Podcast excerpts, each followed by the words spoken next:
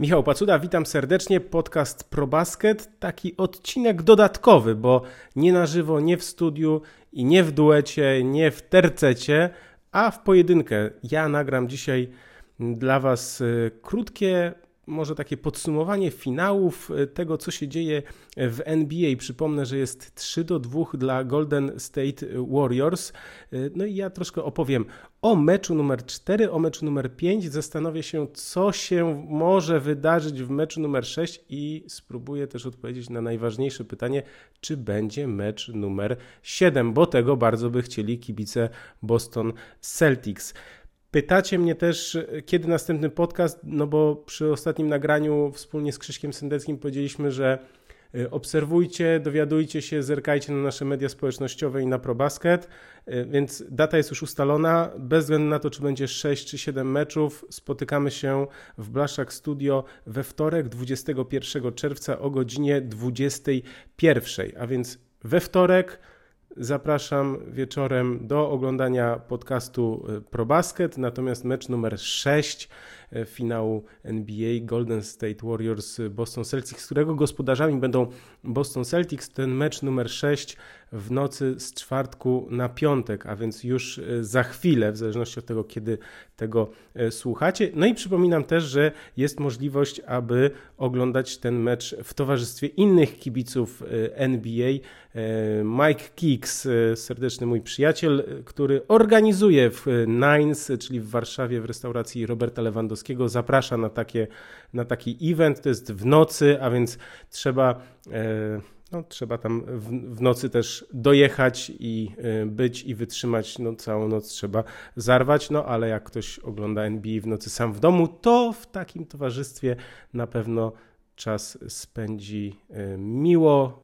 Zapraszam więc na podcast ProBasket Michał Pacuda o finale NBA. Cofnijmy się jeszcze do meczu numer 4, który Golden State Warriors wygrali 107 do 97, kiedy to Steph Curry zdobył 43 punkty, trafił 7 z aż 14 rzutów e, za 3 punkty, miał też 10 e, zbiórek. E, Andrew Wiggins go bardzo dzielnie wspierał, 17 punktów i 16 zbiórek. No i Golden State Warriors wyrwali mecz w Bostonie. To jest kolejna taka seria, kiedy Golden State Warriors e, wygrywają chociaż jeden mecz e, na wyjeździe. Ostatnio ta seria wynosiła 27 e, spotkań. Co się wydarzyło w tym czwartym meczu? Dlaczego Boston Celtics nie prowadzili 3 do 1? Przede wszystkim źle bronili przeciwko zasłonom na, na Kerem. Podkoszowi Celtics nie wychodzili wysoko, bo no, można tylko się domyślać, że bali się minięcia, tak? I to pozwoliło Karemu oddać aż 14 rzutów za 3 punkty, no i trafił 7. Wiadomo, y, taki strzelec będzie to wykorzystywał. 7 na 14, 50%, znakomita skuteczność, 21 punktów y, z samych trójek, chociaż tam chyba jedna była z faulem, więc jeszcze dodatkowy y, punkt. No i to co się udało w meczu numer 3 Celtics, czyli granie na Kerego jako obrońcę, bo to się udało, bo ja jeszcze wracam, no jeszcze muszę wrócić do meczu numer 3, bo takie są, można powiedzieć, dwie takie taktyki Celtics oraz Warriors.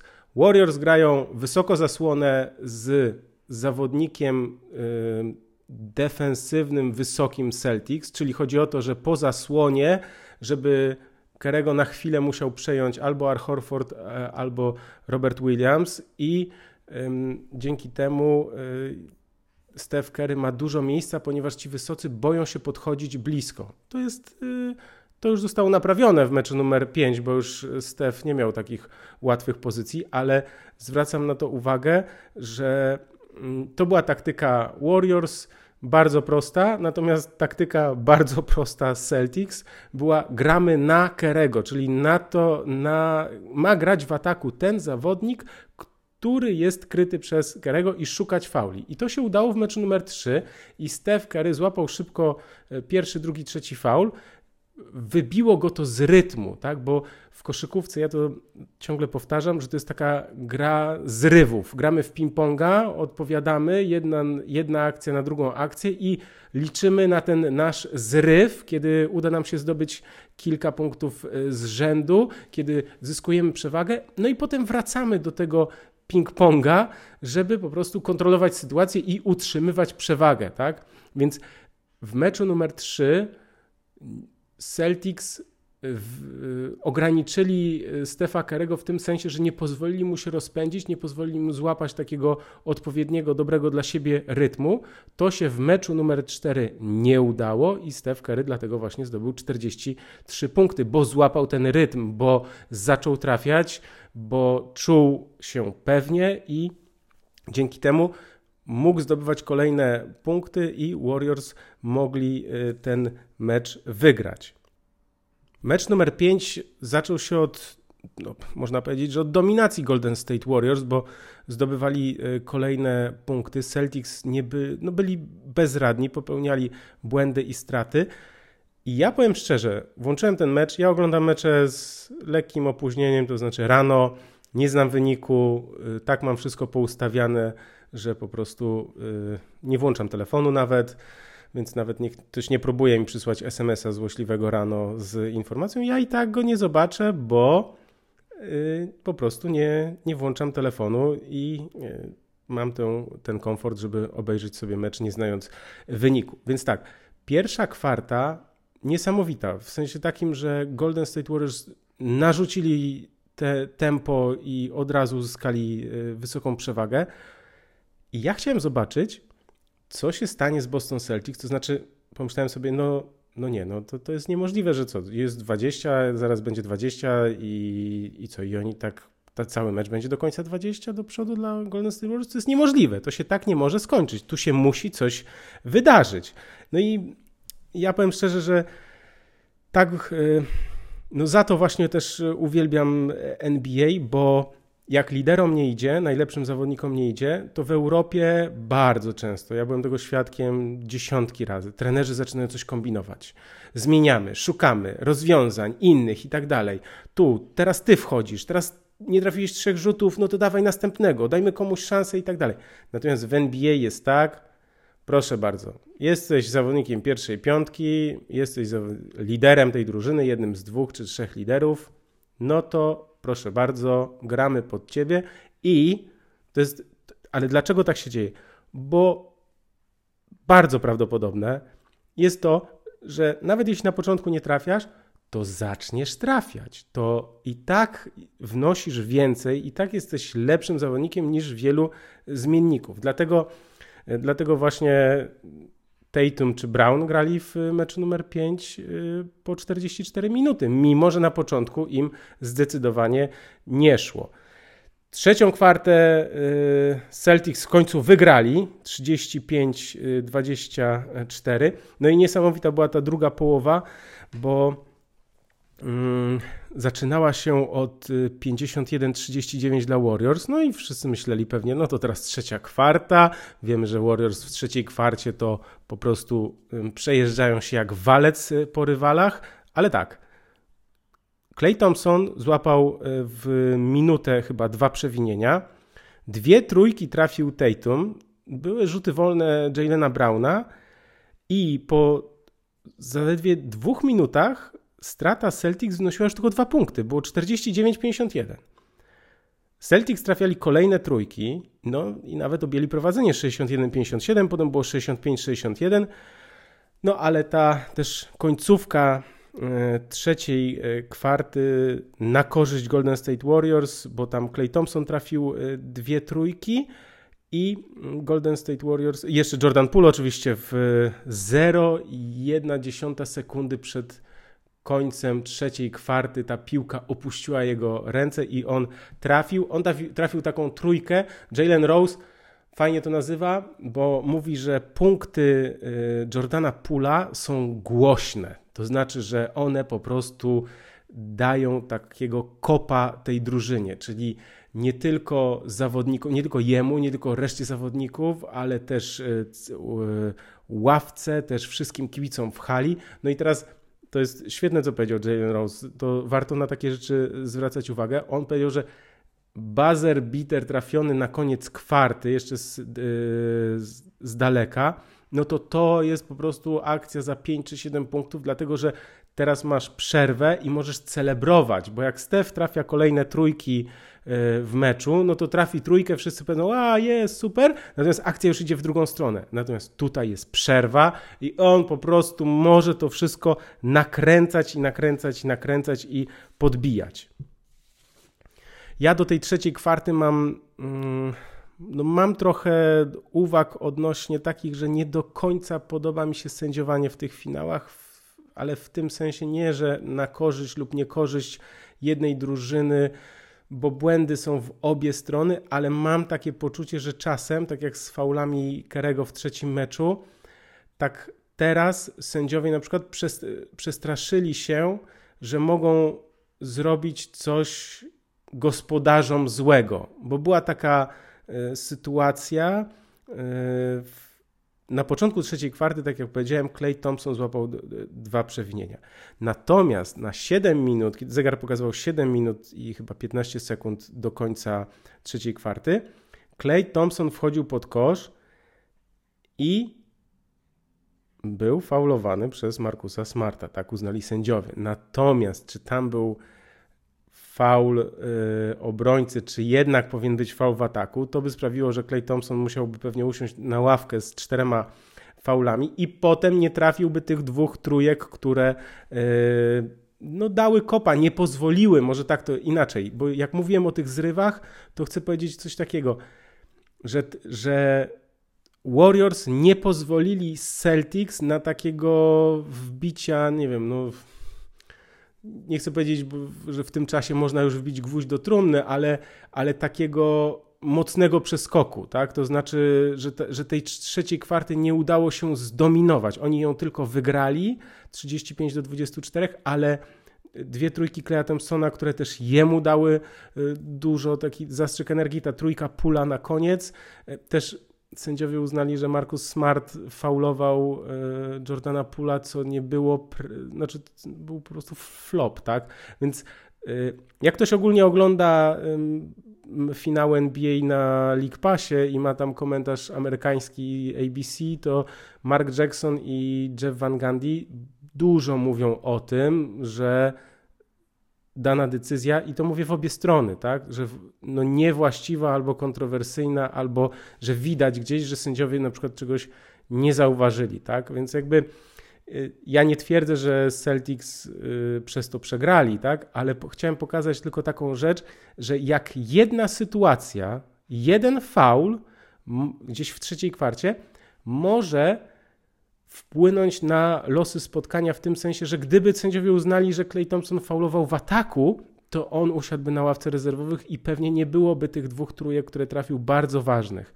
Tak, tak samo w tym meczu numer 3, kiedy e, Steph Curry no, miał kolejne, łapał kolejne przewinienia, to musiał usiąść na ławce, tak? I, I Celtics to wykorzystali i można powiedzieć, że, że ten mecz wygrali w dużej mierze dzięki temu, że Steph Curry nie był w stanie napędzić e, Golden State Warriors.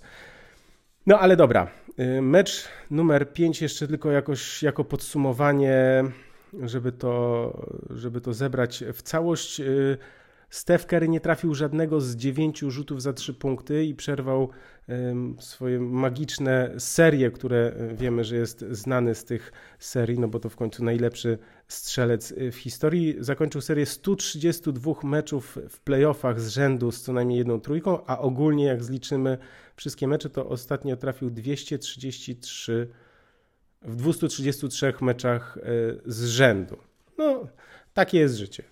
Czasem się nie trafia, ale drużyna i tak wygrała, więc to jest niesamowite, tak? Bo Wiggins zdobył 26 punktów, miał 13 zbiórek, Clay Thompson dołożył 21 punktów, Steph Curry tylko 16, ale jeszcze bardzo ważna rzecz, którą chcę, chcę powiedzieć. Draymond Green 8 punktów, 8 zbiórek, 6 asyst. Bardzo dobra obrona, ale ta pierwsza kwarta, kiedy Celtics nie wiedzieli po prostu, co mają zrobić, też sędziowie bardzo byli konsekwentni w niegwizdaniu fauli. przy wejściach pod kosz, to, to zobaczcie, że mm, w tych meczach, ty, na początku pierwszej kwarty nagle Draymond Green zdobył chyba dwa razy pół punkty, czy nawet więcej, że takimi sytuacjami dajesz zawodnikowi taką pewność siebie, tak? Więc jak zawodnik wchodzi, czy, zaczyna, czy na początku meczu, czy jak wchodzi z ławki, zdobędzie pierwsze punkty od razu, to, to potem ta gra może mu się zupełnie inaczej układać. Więc to jest duży błąd y, Celtics, że tak z, pozwolili na taką y, grę, na, taką, na takie sytuacje. Golden State Warriors natomiast pełen szacunek, bo Andrew Wiggins, który przypomnę, że był przez wielu, również przeze mnie, tak jest, traktowany jako zawodnik, no fajnie skacze pod sufit, ale nie broni i ogólnie no to y, jeden z niewypałów, bo przecież pierwszy numer draftu, więc zaliczmy go do takich przeciętniaków czy coś. Natomiast no ten chłopak robi niesamowite rzeczy. Ja oczywiście napisałem na Twitterze to taki żartem, ale, ale uważajcie, bo jeśli się okaże, że Golden State Warriors wygrają mecz numer 6 i znów najlepszym zawodnikiem będzie Andrew Wiggins, no to ja myślę, że kilku dziennikarzy zagłosuje za MVP dla Wigginsa, a to by się bardzo Stefowi nie spodobało, więc Stef będzie grał na pewno w. Na pewno będzie chciał zaznaczyć nazwijmy to, swój wpływ na, na, w tym kolejnym meczu, no bo ma też taką swoją potrzebę, nazwijmy to, tak? On chce, on chce pokazać, że jest wielki bez Kevina Duranta i w końcu zdobyć ten tytuł MVP e, finałów, bo tego, tego mu brakuje. Oczywiście Gary Payton e, też e, bardzo dobre wejście z ławki, 15 punktów, 6 na 8 z gry, Jordan Poole 14 punktów, więc tutaj trzeba docenić Golden State Warriors. Bardzo ciekawe jest to, że mm, Andrew Wiggins grał dużo, grał dużo jako podkoszowy. Dużo grał na czwórce, bo tam Looney miał problem z faulami. No i co? Walczył na zbiórkach i trafiał z dystansu. To jest jakby klucz, a on też nie boi się ścinać pod kosz, bo wiemy jaką ma windę, tam po prostu potrafi skoczyć, no nie wiem, zajrzeć do kotła, jak to mówią, czyli skoczyć głową ponad obręcz. No i to jest też ciekawostka jeszcze jedna, że to był, to był jedyny mecz w tym sezonie, kiedy Wiggins był liderem drużyny w punktach i zbiórkach. No ale wygrany, dziękuję. Najważniejszy być może być może jeden z najważniejszych meczów w jego karierze, a może ten następny będzie jego najważniejszym. Jego agresja i pewność siebie była kluczowa. Ja zachęcam do podglądania czy patrzenia na ten body language. Ja jakoś jestem na to wyczulony, ja pewne rzeczy takie y, widzę i to jest dla mnie, y, to było wyraźne, tak? Czyli to, z jaką pewnością siebie Wiggins y, porusza się na boisku, zarówno w meczach z Bostonem, w Bostonie, jak i tych u siebie w San Francisco. Oczywiście musimy pamiętać, że zmiennicy, no może nie, zmieni, nie tylko zmiennicy, ale też powiedzmy nie liderzy grają lepiej przed własną publicznością. Więc teraz pytanie, czy ta sytuacja się e, odwróci. To jestem bardzo ciekaw, jak to się wszystko potoczy. Jeszcze kilka ciekawostek o tych finałach. 5-0, czyli każdy mecz finałów, tegorocznych finałów wygrywa drużyna, która rzuca E, więcej z pomalowanego, czyli z tego e, pola 3 sekund. Na Twitterze też dodałem taką ciekawostkę. 73% drużyn w finałach, które wygrywały mistrzostwo po objęciu prowadzenia 3 do 2, po tym jak było 2-2. Tak? Czyli jeśli było 2-2, to drużyna, która wygrywała piąty mecz, 22 razy zdobywała mistrzostwo, a 8 nie. Kolejna ciekawostka, Celtics przegrali dwa mecze z rzędu, tylko raz w marcu, ale to było spowodowane tym, że do Toronto nie polecieli chyba czterej najlepsi zawodnicy, więc to w zasadzie można wykreślić, więc teoretycznie oni od stycznia nie przegrali dwóch meczów z rzędu, to się właśnie, to właśnie nastąpiło teraz w finałach, czyli przegrali mecz numer 4 i potem mecz numer 5. O tym, że Steph zakończył serię, to już powiedziałem. To, co było niesamowite w tym meczu numer 5, e, to to, że Boston Celtics nie trafili 12 pierwszych trójek, a potem trafili 8 z rzędu. To jeśli w ogóle, bo też ja miałem wrażenie, oglądałem ten mecz i miałem wrażenie, że on jest dziwny. I ja czasami mam takie wrażenie, ale przeważnie jest pewien schemat, który można sobie wpisać, czy też zamknąć mecz w pewne ramy, tak? To znaczy powiedzieć, co się działo w pierwszej kwarcie, co zaważyło na wygranej w, czy dane sytuacje, co było dominujące w, w jakimś spotkaniu, tak? To znaczy, czy ci trafili więcej trójek, czy ci więcej wybronili, e, jak to wyglądało, czy tutaj jest dominacja w strefie podkoszowej, czy indywidualne, e, indywidualna gra e, jednego zawodnika i tak dalej. Natomiast ten mecz był pełen takich przedziwnych zrywów i te osiem trójek z rzędu to no ja przecierałem oczy ze, ze zdziwienia. Pamiętajmy też o jednej bardzo ważnej rzeczy, że mm, strata stracie nie jest równa, bo chcę powiedzieć o stratach, ponieważ y, strat Golden State Warriors w tym meczu mieli zaledwie 6, a Boston Celtics 18. Jalen Brown miał 5, Tatum miał 4, a Smart miał też 4. I teraz jest taka statystyka, że jeśli Celtics mają 12 lub mniej strat, to wygrywają, a jeśli mają więcej niż chyba 17 czy 18, to przegrywają. I to oczywiście nie trzeba być y, wielkim analitykiem, żeby dojść do takiego wniosku, że jak masz dużo strat, to, to przegrywasz, ale rzeczywiście jest coś takiego, że szczególnie Golden State Warriors to wykorzystują, czyli te straty, bo po stratach idzie kontra, bo Celtics często popełniają takie straty, które ja to nazywam akcja za cztery punkty, tak? To znaczy nie zdobyłeś dwóch punktów i, i straciłeś właśnie przed sekundą dwa.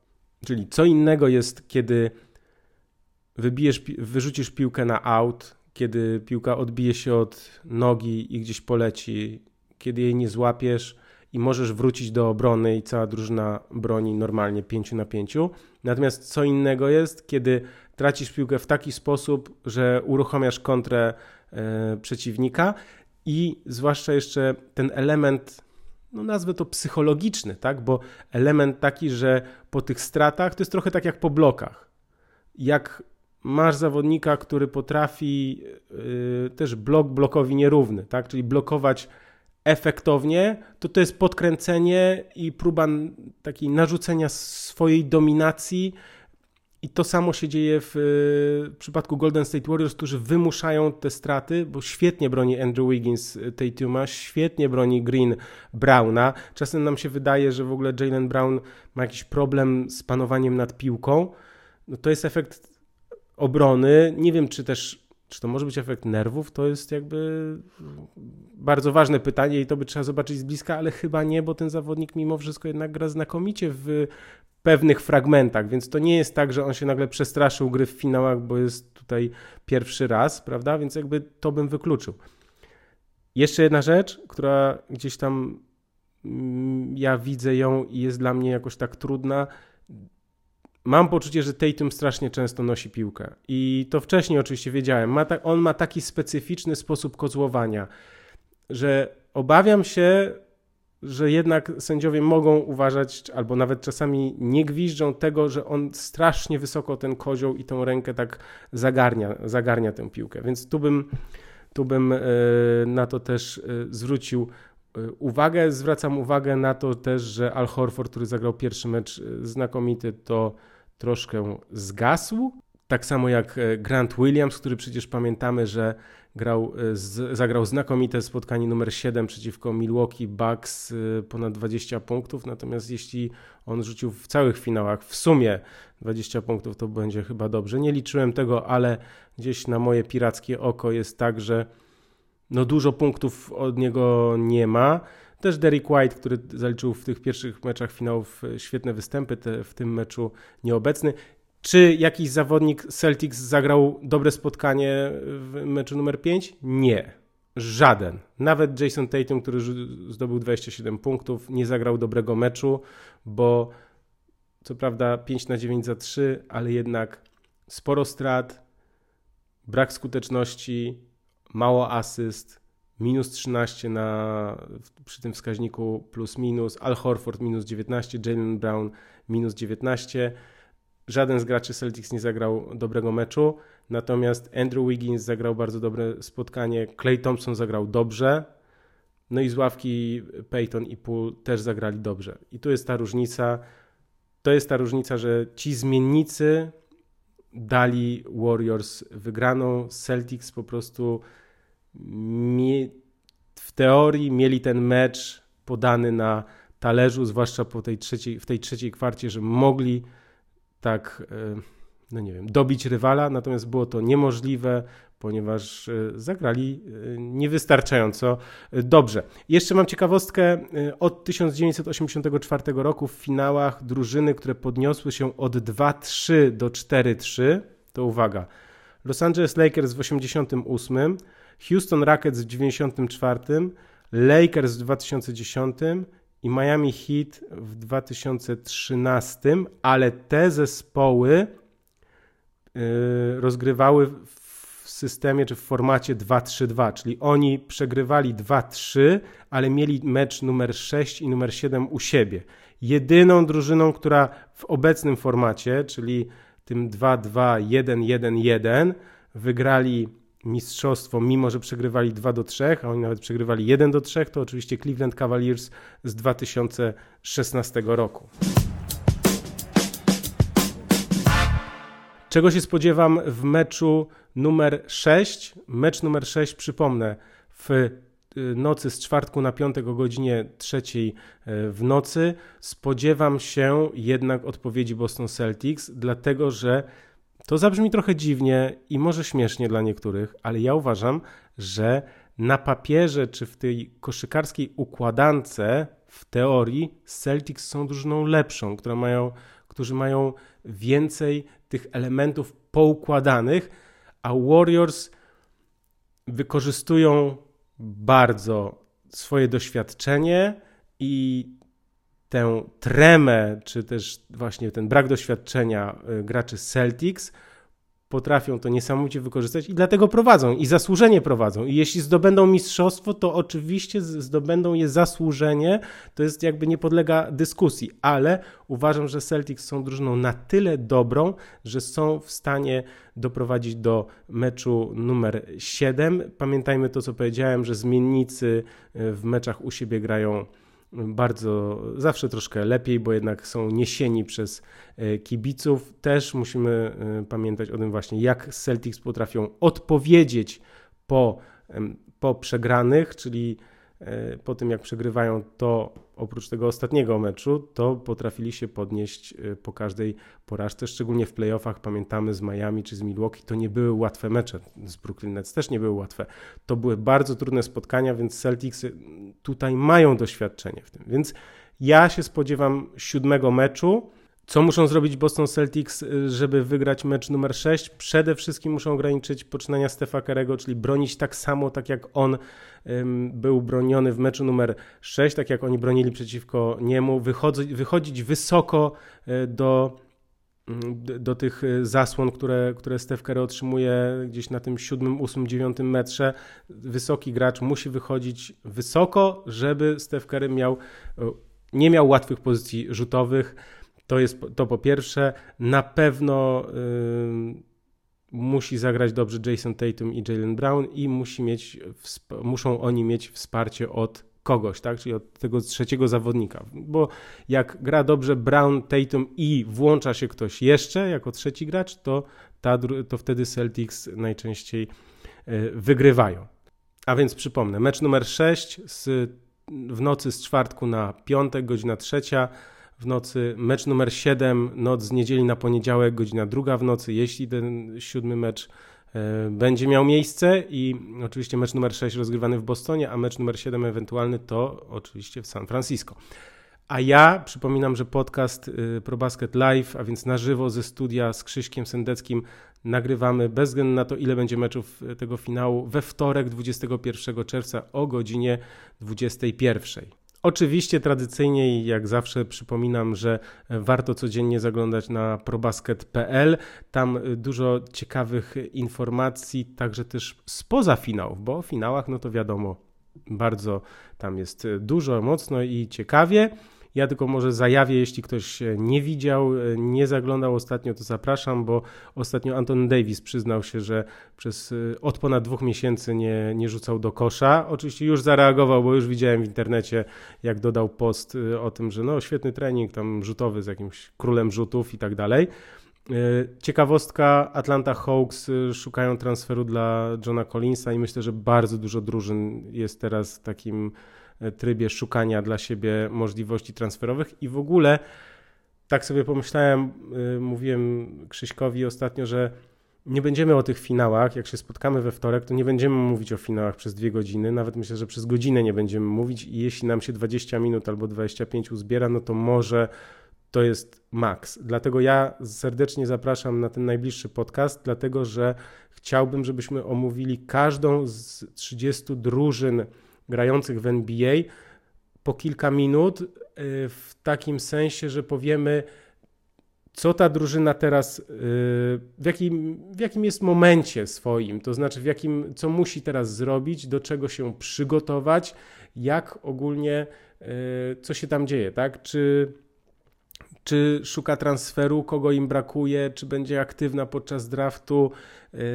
jaka jest perspektywa danej drużyny. I mam nadzieję, że uda nam się to zrobić ze wszystkimi 30 zespołami i też zachęcam, bo mm, wielu z Was jest kibicami jednej tylko drużyny, którą ja na przykład znam słabo, średnio, nie śledzę aż tak dobrze, więc jeśli macie na przykład tylko proszę nie o wypracowania bardzo długie, bo y, czasem też mi się, y, no czasem dostałem, czasem dostaję też takie bardzo długie maile i na bardzo długie maile mi troszkę trudniej odpowiedzieć i się w to zagłębić, a chciałbym, żebyśmy w tej rozmowie mm, z Krzyśkiem poświęcili każdej drużynie po kilka minut, ale takie soczyste, najbardziej trafne, konkretne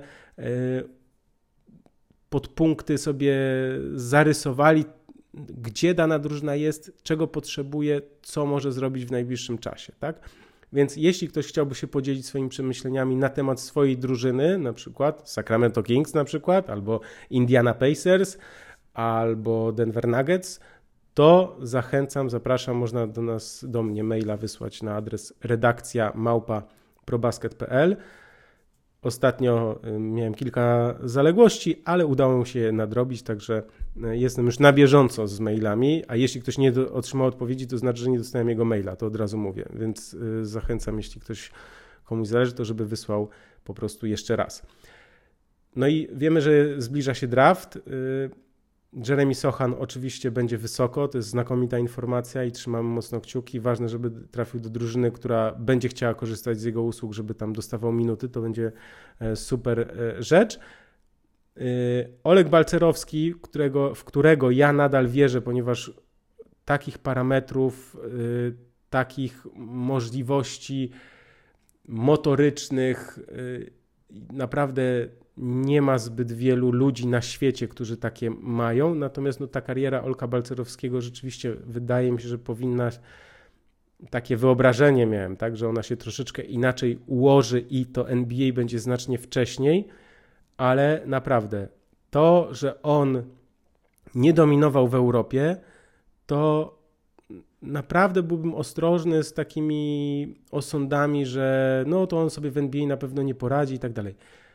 Zobaczmy najpierw, jak ocenią jego potencjał kluby NBA, bo ja pamiętam też kilku takich zawodników i nie chodzi o to, żeby teraz wymieniać nazwiska i żeby ktoś mi potem zarzucił, że ja porównuję Olka Balcerowskiego, nie wiem, do Dirka Nowickiego, ale mówię to, o, mówię to dlatego, że ja pamiętam ludzi, którzy no nie do końca byli tutaj dominatorami i niesamowitymi e, graczami, e, a w NBA potrafili się e, odnaleźć w, w tej konkretnej dla siebie roli, tak? Czyli po prostu został wykorzystany ich potencjał, bo koszykówka europejska i koszykówka NBA to są, ja uważam, że to są dwa różne światy.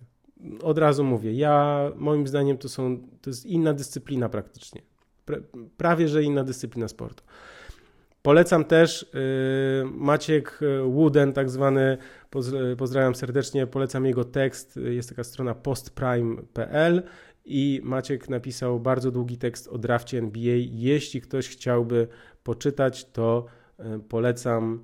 Kilkadziesiąt tysięcy znaków napisał o, o drafcie NBA, więc szacunek za to można to mm, sobie przeczytać i być trochę mądrzejszym dzięki temu, e, wiedzieć, co się, co się zadzieje. Ja mam zawsze co roku z tym problem, że rzeczywiście, ponieważ nie śledzę NCAA, to trochę trudno mi e, po kilku treningach, czy nawet po indywidualnych y, takich pokazach te zawodnika ocenić, bo to jest naprawdę bardzo trudne. Trzeba mieć doświadczenie, wiedzę, y, żeby wiedzieć, jak na przykład Russell Westbrook y, wyglądał, kiedy grał w UCLA, żeby mieć pewnego rodzaju porównanie. Tak? Więc tutaj y, szacun za tę pracę, jaką Maciek wykonał i, i polecam żeby, żeby ten jego tekst przeczytać osoby, które się interesują e, draftem. A ja już kończę. Nazywam się Michał Pacuda. Bardzo dziękuję za wysłuchanie tego podcastu e, do końca. Przypominam, widzimy się we wtorek już na żywo. Zachęcam do kontaktu, do, do pozostawienia komentarza albo napisania e, na adres redakcja małpaprobasket.pl. Oczywiście codziennie też zapraszam na ProBasket. Dziękuję. Do zobaczenia już we wtorek. No i życzę wszystkim udanego, długiego weekendu.